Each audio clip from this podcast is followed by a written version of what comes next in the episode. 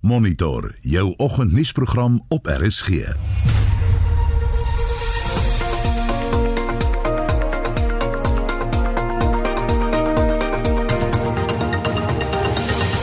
En volgens se program Unisa moet Afrikaans as onderrigtaal herinstel. Kleindienste hervat in sommige provinsies.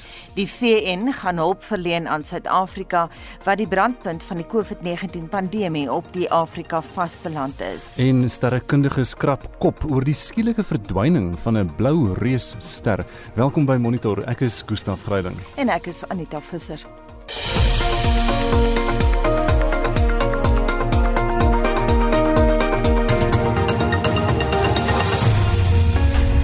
Nou 10 minute oor 6 is ingeskakel hier by Monitor op RSG. 'n Oorsig van die koerant voorblaaie vir vandag die 2de Julie. Die burger vanoggend sê Johan Rupert praat oor die 58 miljoen ons het WP grasie gegee, sê hy. Maar wat kry die WP daaruit om hierdie skuif te maak? Cyril waarsku oor partytjies, hy het op 'n presidentsiële imbizo gepraat en 'n berig wat sê ATKV oorde lê nou van hulle werknemers af. Die voorblad van beeld volgend verbod op tabak nie vir altyd en is Ramaphosa wat uh, so gesê het tydens daardie presidentsiële imbizo en inwoners kon nou inbel en uh, vir die president vra vra dit was die eerste vraag waarna kom die sigarette terug gewees. Uh, ook 'n mooi foto daar op die voorblad van beeld volgend uh, van 'n honger meerkat. Volksblad kenners gee syfers onwettige twak roof staatskas en dan vier van Bloemfontein in hof na geveg in kuierplek. Ek wonder of dit die partytjie was waaroor Cyril gewaarsku het daar. Business Day Absa Boss expects a painful recovery en die bank se strategie is onderbreek maar nie laat vaar nie en die howe gee aan die regering drie oorwinnings in hofstryde oor inperkingsregulasies en dan internasionaal op bbc.com die situasie in Hong Kong met die veiligheidswet wat in Beijing aanvaar is. Die Amerikaanse Huis van Verteenwoordigers het nou nuwe sanksies goedgekeur en Brittanje sê mense met Britse paspoorte kan eh, terugkom en 'n proses begin om verblyfreg te kry. En dis vinnig so oorsig van vanoggend se nuus. Met ons luisteraarsvraag beweeg ons vanoggend 'n slag weg van die politiek en ander gewigtige kwessies. Ons wil by jou weet, wat is jou gunsteling program op RSG? En jy kan ook laat weet watter musiek jou gunsteling is hier op RSG. Gesels saam by 45889, onthou dit kos R1.50 of gaan na facebook.com vorentoe skuinstreep ZRSG of as alternatief WhatsApp vir ons stemnota van nie langer as 30 sekondes nie na 076 536 6961 076 536 6961. Die Appelhof het gister beslis dat die verwydering van Afrikaans as onderrigmedium by Unisa onwettig en ongrondwetlik was. Afriforum het verlede jaar geappeleer teen 'n Hooggeregshof beslissing ten gunste van die universiteit se besluit in 2016 om Engels as primêre onderrigtaal te gebruik. Ons praat nou hieroor met die hoof van kultuursake by Afriforum, Alana Bailey. Môre Alana. Goeiemôre Anita en goeiemôre aan die luisteraars. Jou reaksie op die beslissing, het jy dit verwag? Afriforum is regtig baie verras en um, ons is baie dankbaar vir hierdie uitspraak want ek dink ons het lank gewag. Die saak het al in November maand voor die hof gedien en uh, dit is eintlik so 'n bietjie onverwags maar baie lekker. En wat het julle geargumenteer? Wel, ons het geargumenteer dat daar nie genoeg gekonsulteer is met die studente nie, maar ons het ook na die getalle gekyk. Unisa het na persentasies gekyk en gesê dis maar oorweg 12% van hulle studente wat moedertaal Afrikaans sprekend is. Maar as jy mens gaan kyk na hulle totale studente tel, dan kom jy agter dis tussen 28000 en 30000 studente. Dis eintlik 'n normale um, universiteit se totale studente tel en daarom het ons gevoel die saak is baie belangrik ons moet die studente se reg verteenwoordig om steeds in Afrikaans waar hulle die behoefte het klas te kry. Wat van ander inheemse tale? Unisa het groot beloftes gemaak dat hulle die ander tale gaan begin ontwikkel, maar tot hede toe gaan dit baie stadig en baie stil en ek dink daarom is dit 'n belangrike uitspraak want dit bewys 'n eentalige Engelse universiteit uh moet eintlik ruimte begin skep vir meer tale en soos die uitspraak ook sê wanneer 'n taal reeds ontwikkel het tot op hoogste vlak wanneer dit reeds gebruik word vir um klasse en kursusse, dan maak dit glad nie sin om dit uit te faseer nie. Alana, wanneer gaan Afrikaans dan weer as onderrigtaal by Unisa aangebied word? Wat is die spertyd? Wel, hulle het 'n opdrag gekry dat hulle in drie prominente Afrikaanse koerante en ook op hulle eie webwerf moet um inligting voorsien aan die studente. Hulle moet dan Afrikaans in al die modules wat in 2016 beskikbaar was, weer beskikbaar maak op alle um jaarvlakke. En dan hang dit nou natuurlik in die laaste plek af of hulle gaan appeleer na die konstitusionele hof toe en of hulle hierdie uitspraak gaan aanvaar want dit raak dan ook weer die ontplooiing van uh, of die herontplooiing dan nou van Afrikaans. En het julle enige aanduiding of hulle gaan appeleer? Hulle het gister uh, gesê dat hulle die stukke saam met hulle regspan bestudeer, so ek dink daar's 'n baie groot moontlikheid, maar ons is gereed daarvoor. En dink jy die uitspraak kan dalk 'n presedent skep? Definitief want ek dink dis die hoogste hof in Suid-Afrika wat nog ooit ten gunste van Afrikaans op tersiêre vlak uitspraak gelewer het. En ek dink dis ook goed dat die hele konsep van taalregte 'n bietjie duideliker verstaan word in Suid-Afrika en meer ruimte kry in uitsprake. Baie dankie en dit dan Alana Bailey die hoof van kultuursake by AfriForum. Dis nou kwart oor 6 en enkele insidente in die verkeer in KwaZulu-Natal protesaksie aan die gang op die M4 tussen La Mercy en Tongaat. In Johannesburg staan daar 'n bus op die N1 noordwaarts na die Olifantsfontein weg afrit. Die linkerbaan is versper in daardie omgewing. En dan is daar 'n botsing op die N3 ooswaarts in KwaZulu-Natal en vertragings na die Ashburton afrit. Dis nou van Pietermaritzburg se kant af op pad na Durban toe. En dit lyk taamlik ernstig as hy op die N3 ooswaarts 'n kettingbotsing net voor Lynn Greenfield Park wisselaar en twee bane is versper in daardie omgewing. Nou plastieklose Julie het gister begin met die doel om bewustheid te skep oor die ingrypende vermindering van plastiekbesoedeling wêreldwyd. Verskeie inisiatiewe word landwyd van stapel gestuur en ons het gaan uitvind hoe van hierdie inisiatiewe lyk en hoe ernstig Suid-Afrikaners is oor die verantwoordelike gebruik van plastiekprodukte. Die direkteur van Plastics SA, Anton Hannekom, sê Suid-Afrika word tot 46% van alle plastiek wat vervaardig word meganies herwin. In die verband is ons een van die wêreld se voorlopers.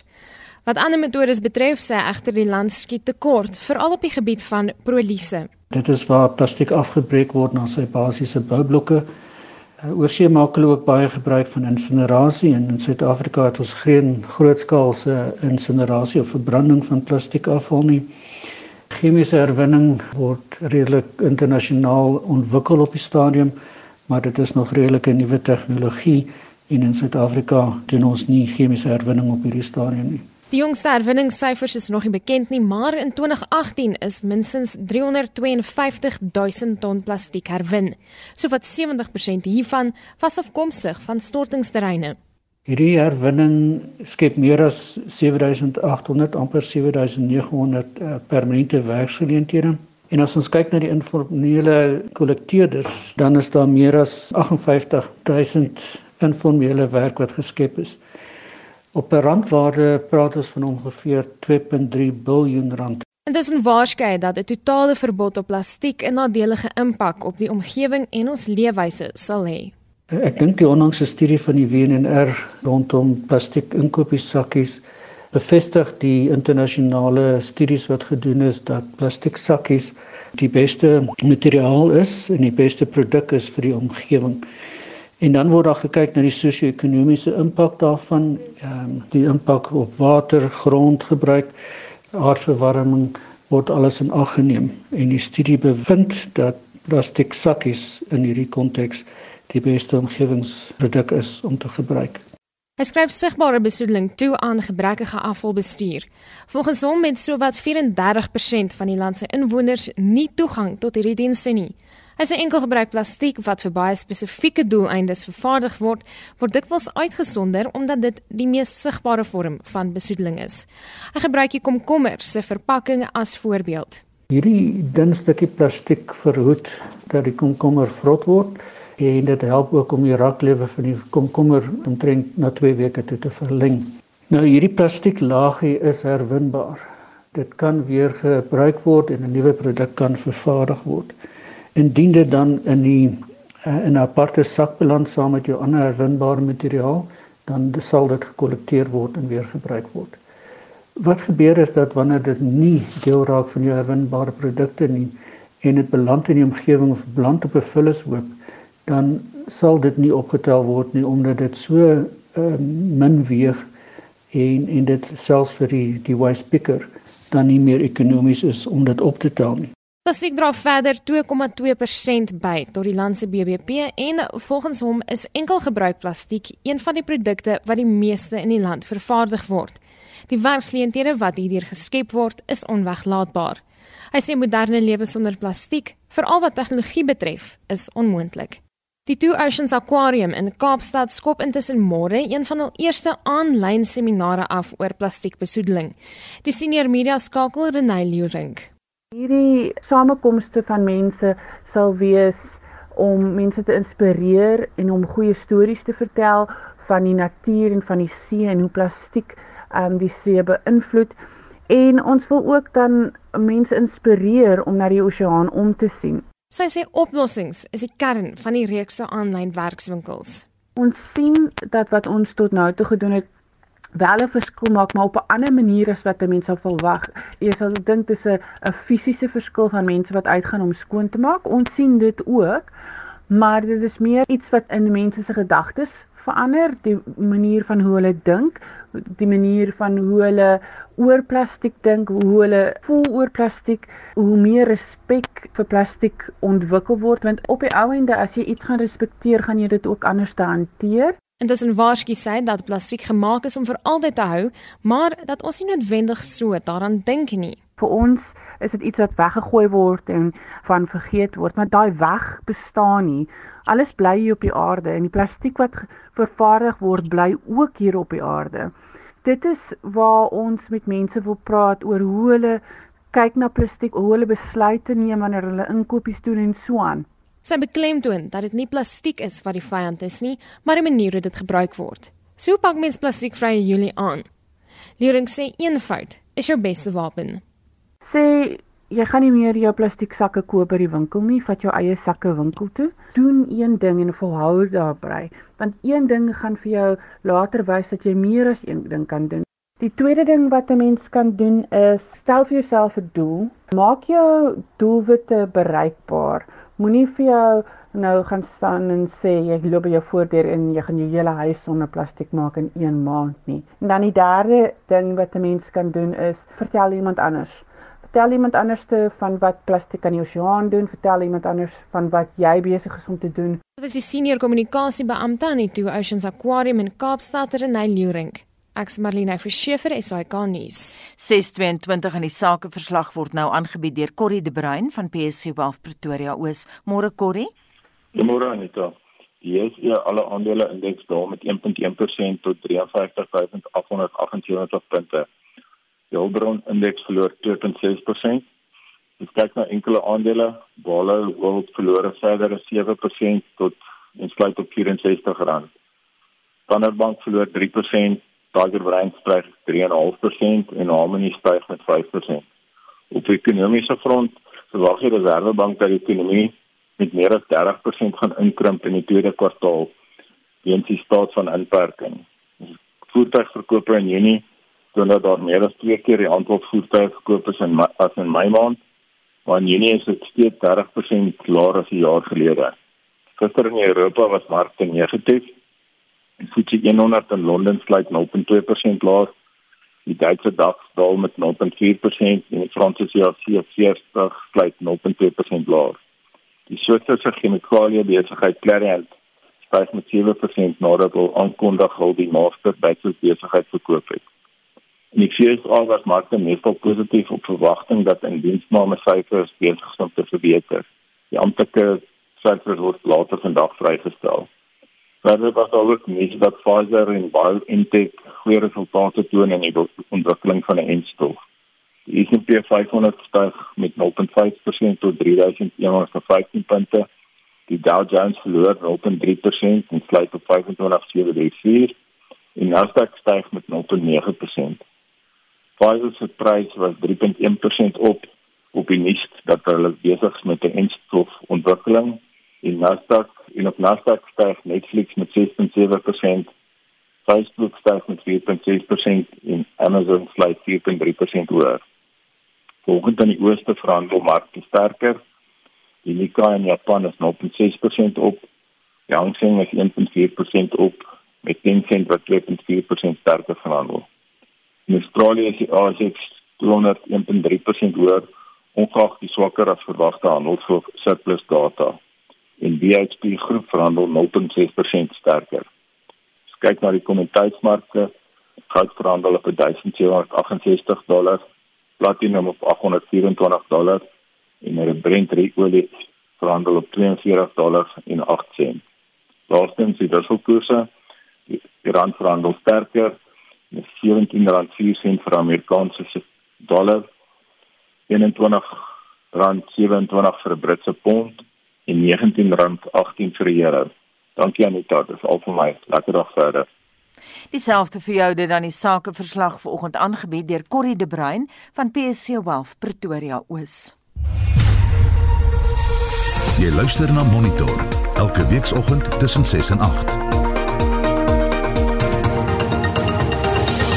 Dis half 7 en in die nuus vakbonde by die SAIK dreig om hulle tot die hof te wend nadat die uitsaaier 'n eisbrief oor die afleggingsproses by die korporasie geïgnoreer het. Meer as 80 mense is dood in skermutselings tussen veiligheidsmagte en betogers in Ethiopië. En Cricket Suid-Afrika kondig 'n nuwe hoofborg aan. Bly ingeskakel. Daar is geen verkeer. En nog ekstra eh, voorvalle hier in Johannesburg, 'n voertuig wat staan op die N12 ooswaarts by Snykeweg. Die linkerbaan is versper daar, wees versigtig maar. Ook 'n uh, voertuig wat staan of 'n uh, vragmotor wat staan op die N3 suidwaarts by die Geludis wisselaar en een baan daar is versper. En ek neem aan dis die volgende een ook, die N3 suidwaarts ja by Geludis een baan versper. En onthou die protesaksie aan die gang daar in KwaZulu-Natal op die M4 tussen La Mercy en Tongaat en daar was 'n taamlike ernstige kettingbotsing geweest die pad tussen Pietermaritzburg en Durban, die N3 ooswaarts net voor Linfield Park uh, na die Ashburton afrit. Uh, Daar's vertragings in die verkeer daar vanoggend. As jy weet van enigiets anders, kan jy vir ons 'n SMS deurstuur na 45889 en dit kos R1.50. En Gustaf sê van haar SMS'e gepraat, kom ons hoor by Wins wat sê ons luisteraars vanoggend.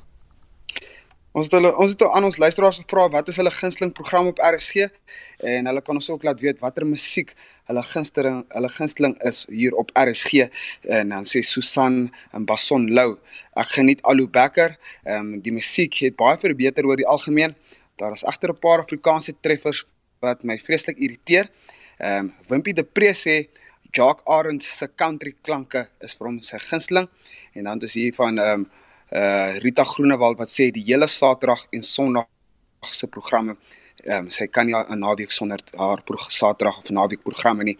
En so sê die ehm um, luisteraars se stemnotas ook. Kom ons hoor gou wat hulle te sê. Patrick van van der Byl, my gunsteling program is Monitor Spectrum. En Amor en almal, alles. En die gunsteling musiek wat julle lekker speel is Afrikaans. Hulle is 'n bietjie meer Afrikaans of Bless Bridges daar inwerk. Maar verder is julle baie baie cool stasie. My naam is Ander Lange. My gunsteling program RG is Monitor dan vind uit wat uit wat gebeur in die wêreld.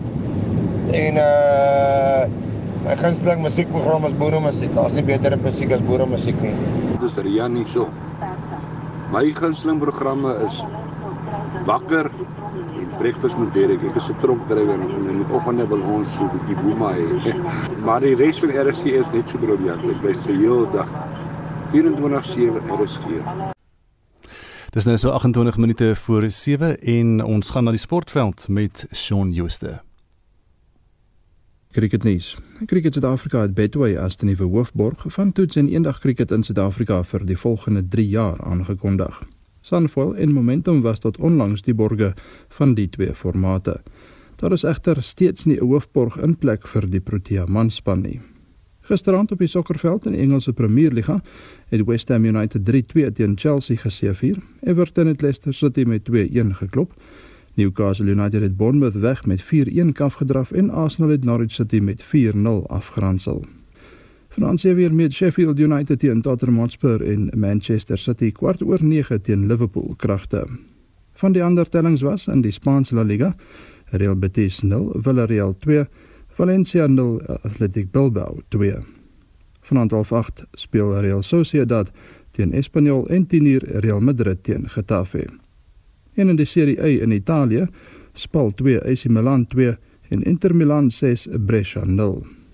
Vanaand half 8 kom Atalanta teen Napoli en kwart voor 10 Roma teen Udinese te staan. Op die golfbaan slaan die Rocket Mortgage Classic vanmiddag in Detroit af met vier Suid-Afrikaners wat gaan deelneem. Hulle is Erik van Rooyen, Christian Besaidnout, Brandon Grace en Charles Swartsel. Die wêreld se voorste manspeler Rory McIlroy van Noord-Ierland het besluit om die toernooi uit te sit. Die plaaslike Nate Lashley was die wenner in 2019.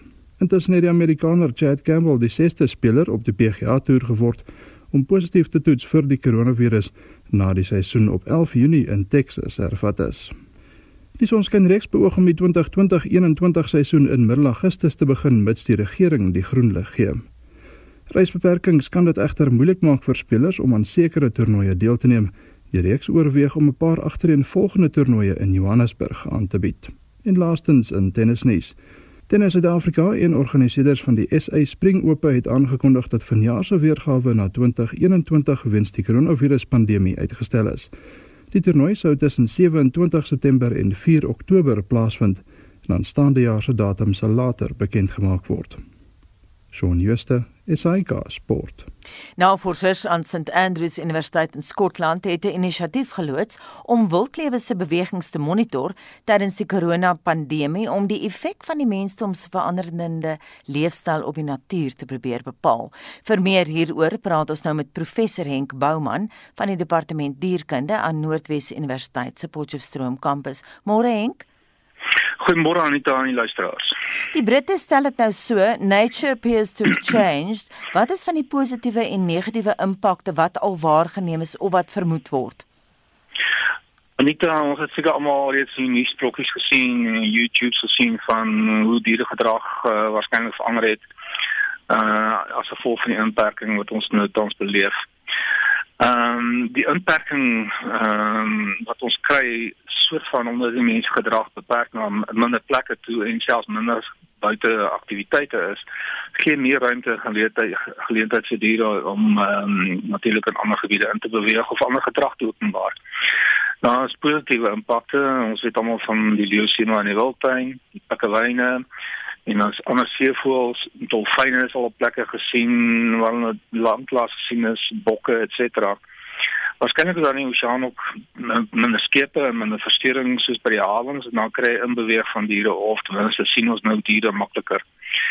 Uh ander positiewe aspekte wat gewaargeneem is, maar dit is nie eksklusief nie, is minder stropery uh van diere soos olifante, renosters en perlemoen want mense is nou meer ingepak in hoe hulle kan beweeg en waar hulle kan heen gaan, daar's meer uh monitering van hoe hulle beweeg En dan is daar natuurlik ook ehm um, moeiliker maniere. Dit is moeiliker om oor ons grense heen te beweeg om uh, goed te smokkel. Ehm um, sien maar tussen lande en selfs oor kontinente heen. Daar is ook negatiewe aspekte. Ehm um, daar's minder kos wat rond lê want uh, mense beweeg nie in uh, ander plekke hier nie. Daar's weet uh, dis goed soos ape, rotte en meeuwe uh vind dit nou moeiliker om kos te kry op die plekke waar hulle voorheen kos gekry het. Dus hulle beweeg na uit en kan selfs 'n bietjie van 'n oorlas wees. Ehm um, mense wat in lande waar buitelewe wel toegelaat word, so, gaan stroom die mense na park na parke toe nou meer as voorheen en dit moontlike die gevolglike samendromming van die mense daar so versteding ook die uh, diere. Maar daar's ook stropery wat wel toeneem, veral vir bushmeat byvoorbeeld, want baie van die mense het skielik nie meer inkomste van toerisme nie. En ehm um, daar's ook minder mense om die parke te patrolleer uh, en of die mense waar te neem. Nou die pryse op bedreigde diere het seker gevalle afgeneem. Ehm um, dis as jy nou weet sien maar ekstra bedrag gekry het vir 'n sekere ehm um, kommoditeit, jy nou 2x twee keer uit nou, van van daai dier nou skiet of kry om dieselfde inkomste te kry. Dis 'n redelike komplekse interaksie van van uh, wat gebeur met COVID. En professor Christian Rats wat nou aan die hoof van die navorsing staan sê wilde diere se bewegings is met behulp van opsporingstoestelle en kameras gemonitor. Nou dit op sigself is nie nuut nie. Wat maak die Britte se projek dan so besonder? Wel, COVID gee vir ons 'n ongekende geleentheid om te kyk na die invloed van mense op die op diere gedrag. En ook natuurlik om te kyk na die verandering van mense se gedrag, want dis die interaksie tussen die mens en die dier of die mens en die natuur wat van belang is hierso. Uh voorheen kon ons net kyk ehm um, in terme van oor lang periodes, met ander woorde dag bou sien maar dorp en word groter en groter en oor periodes van dekades moet jy dan kyk na die verandering in gedrag van die diere binne daai tyd. Of jy kyk na 'n gradiënt uh so so voorbeeld as jy 'n Potchefstroom vat, jy kyk in Potchefstroom op die rand van Potchefstroom en dan ver buite Potchefstroom en jy vergelyk hoe die diere reageer uh oor daai gradiënte in. Nou dit kan ook natuurlik gedoen word met ander plekke soos kuste byvoorbeeld, ehm um, of hawens. Nou kan ons oor 'n baie kort periode kan ons na veranderings kyk. Ehm um, en kyk wat se meganismes van toepassing daarso want indien ons dit beter verstaan, dan kan ons dalk ook na die impak daarvan kyk op biodiversiteit en bewaring en hoe ons in die toekoms kan verder gaan met men. So kan ons internasionaal opvolgstudies verwag, Henk? Ja, ehm um, die Britte in hierdie artikel verwys na movebank.org. En in daai studies lys hulle 801 studies aan. Hulle verwys hulle na 801 studies in 131 lande ehm um, waar die studies reeds klaar gedoen is of wat aan die gang is. Nou, omdat ons reeds baie data het, soos byvoorbeeld die beweging van walvisse en OFA's en buffels en nosters, bobiane, dolfyne, uh, kan ons dan of die studies herhaal om te kyk want na COVID gaan dit anders wees, die mense gedrag gaan anders wees of die studies wat die gang is gaan sien wat die impak was van die verandering van mensgedrag op dieregedrag as sulks. Henk die Britse spandierkundiges gebruik ook nou splinter nuwe terme. Hulle praat van anthropause en dan die sogenaamde post-anthropause. Wat beteken dit vir die leek? Uh, anthropause beteken ehm um, dit is die uh, uh mens kan presies die pose uh wat aangebreek het in terme van menslike uh, gedrag in die omgewing. Uh, dit is nou baie minder uh, as wat dit voorheen was.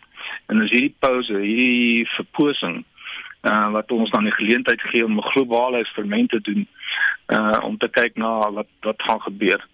Nou ehm um, anthropos en die post anthropos uh dit wat gebeur nadat ons weer ontgrendel.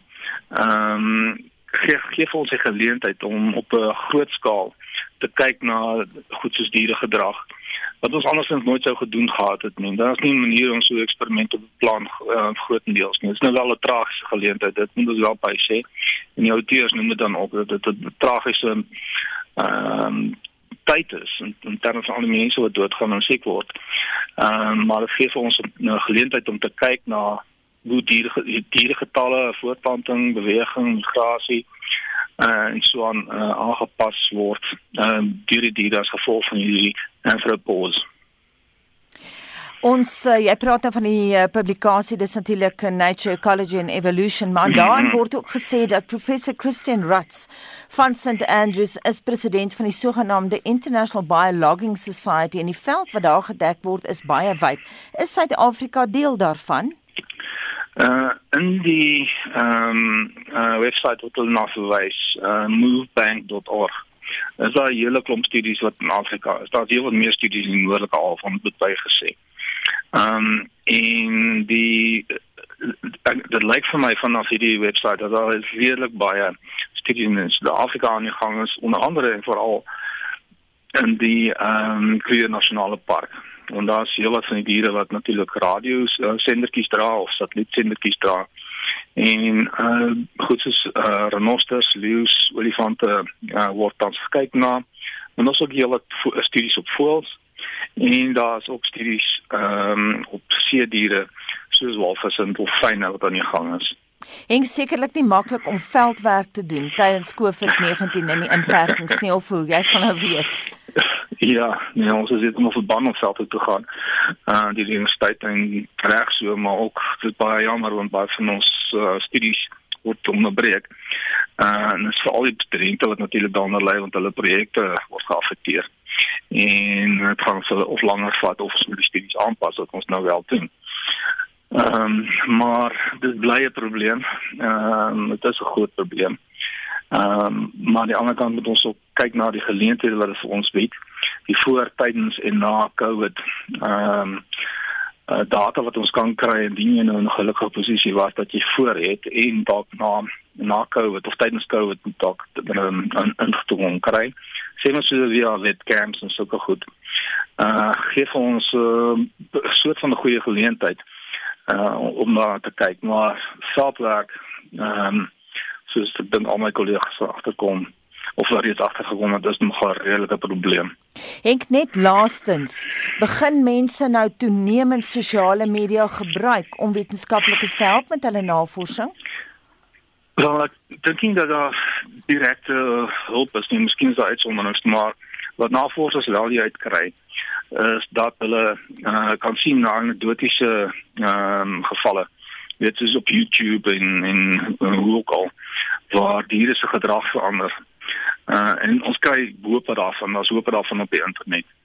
Ehm um, dus hierdie soort van navorsing help veral as mense nou nou die goed op YouTube sit of ander plekke sit uh om vir ons idee te gee van wat gebeur uh of wat gebeur het.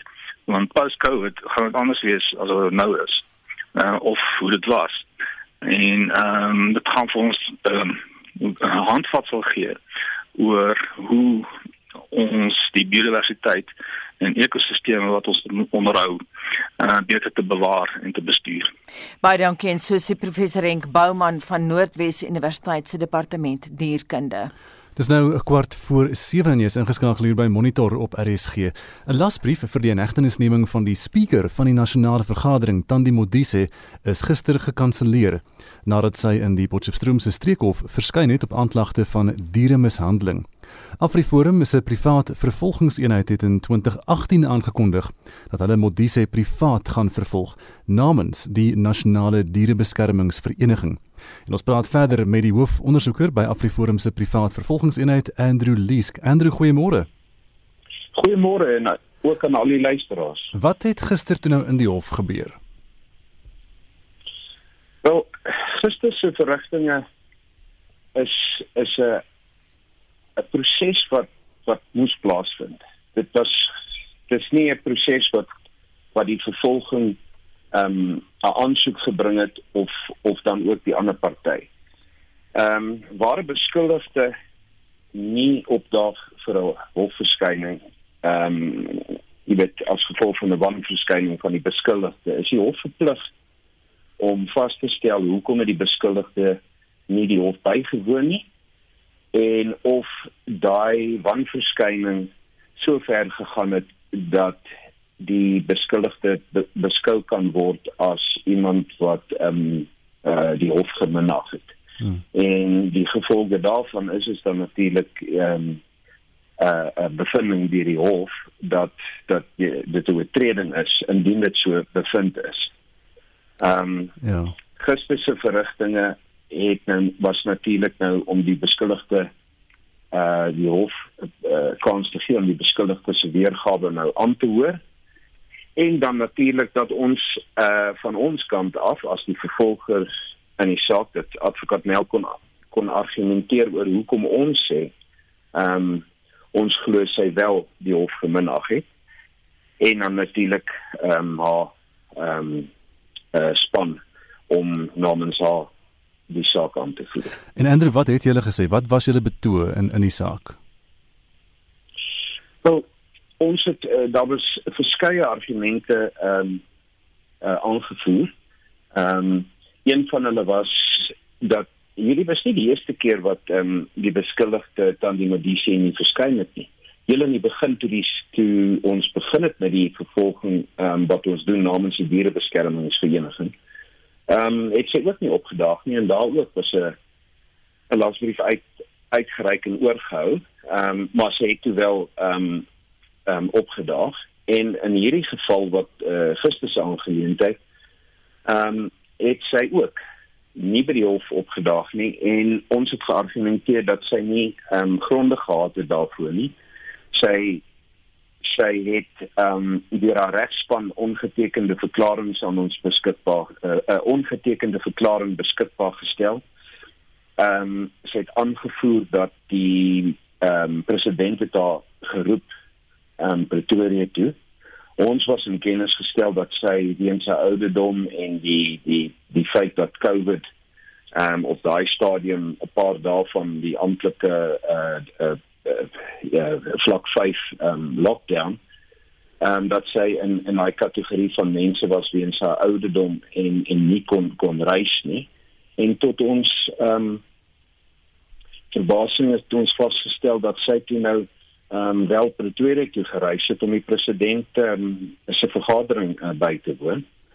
Ehm um, en ook dat die vergadering was uitgestel vir die 23ste en vir die 24ste ehm um, wanneer sy in die hof moes verskyn, kon sy nie geweet het wat die feite uh was om 'n verklaring wat hulle aan ons blootgestel het al die 18de. Ehm um, so ehm um, dit dit was 'n 'n hoofons argument dat sy ehm um, die hof wel gemanag het en dat sy ja. as 'n beskuldigde nie in die hoofding is is dat sy 'n beskuldigde sy moes in, in die hof gewees het net soos enige ander beskuldigde in hierdie land ehm um, dat jou werkslas kan nooit 'n verskoning wees um, om 'n hof nie by te woon nie want dan moet dit um, toegepas word op elke ander burger wat in 'n hof moet verskyn. Nou moet dis voor ook aan dat die saak teen haar polities gemotiveerd is, nou seker ook maar van Afriforum se kant af kom. Wat is julle beweegrede? Hoekom dryf julle hierdie saak so? Wel, ons ons uh, is genader deur die dierebeskermingsvereniging om die staat het die polisie het 'n ondersoek gedoen die dossier is toe na die nasionale vervolgingsgesag gestuur en hulle het hulle het beslis dat ehm um, daar nie 'n saak is uh uh om te vervolg nie ons is toe genader ons het die die saak uh die feite van die saak ehm um, deurgegaan ons het ehm um, baie uh, meer ondersoek gedoen as wat die as wat die polisie gedoen het um, om sekere leemtes um, op te klaar.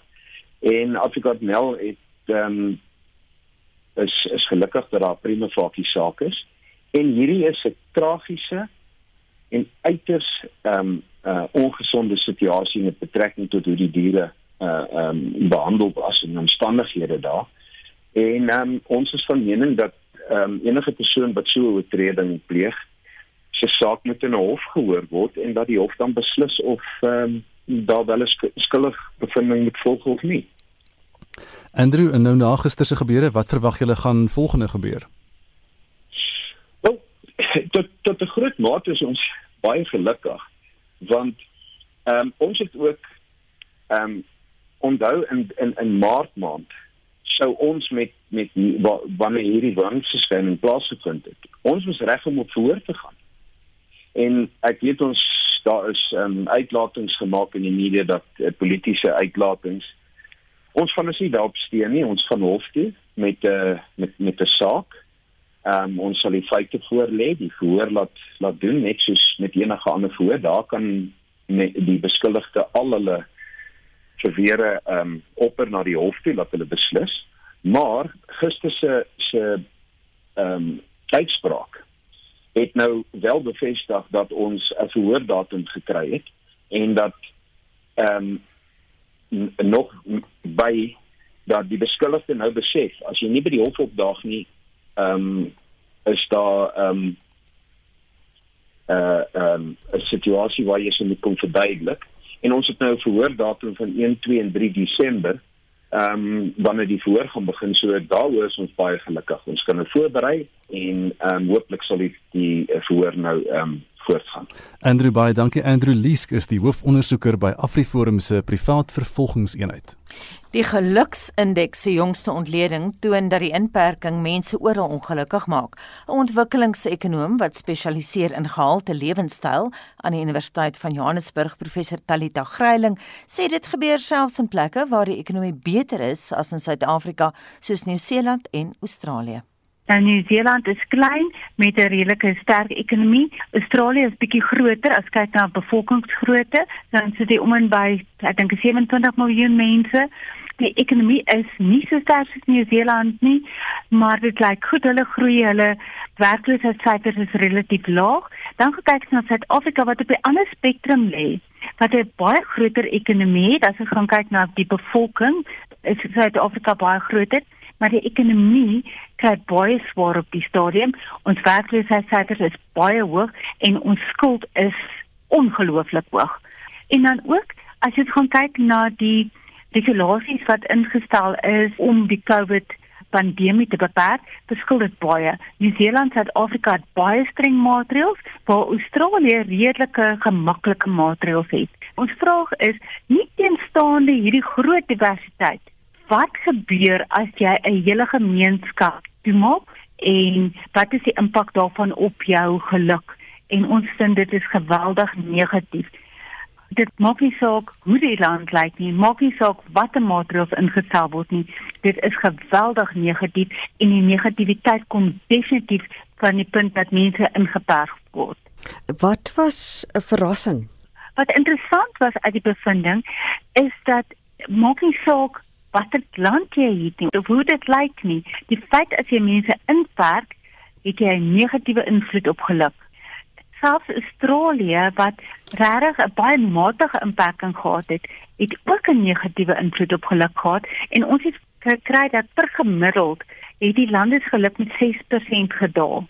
So sodra jy mense ontneem van hulle normale sosiale verhoudinge en die feit dat hulle nie kan werk toe gaan nie, onsekerhede vestig by mense, beteken dit dat hulle geluk afneem is die feit dat Suid-Afrika 'n verbod gehad het op die verkoop van sigarette enigsins ingewerk in hierdie of het dit enigsins weerspieël in hierdie opname?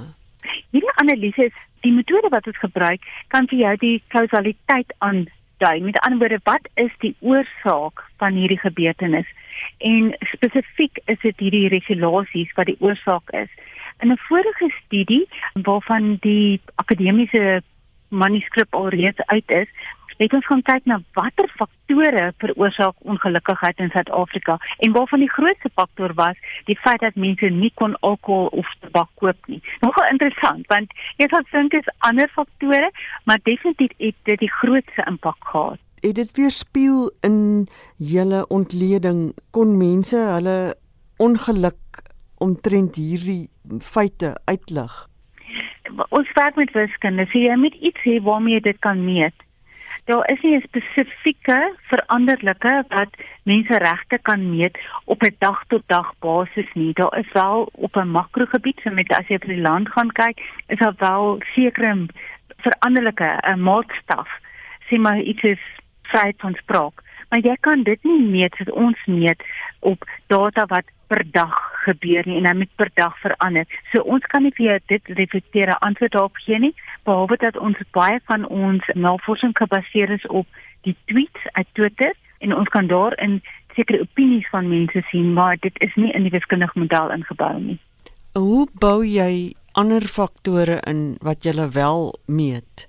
Jy kan enige veranderlike wat jy op 'n daaglikse basis kan meet, kan jy wel in 'n model inbou. Maar natuurlik hier is baie statistiek en wiskunde agter hierdie ontledings, want dit is ekonometrie.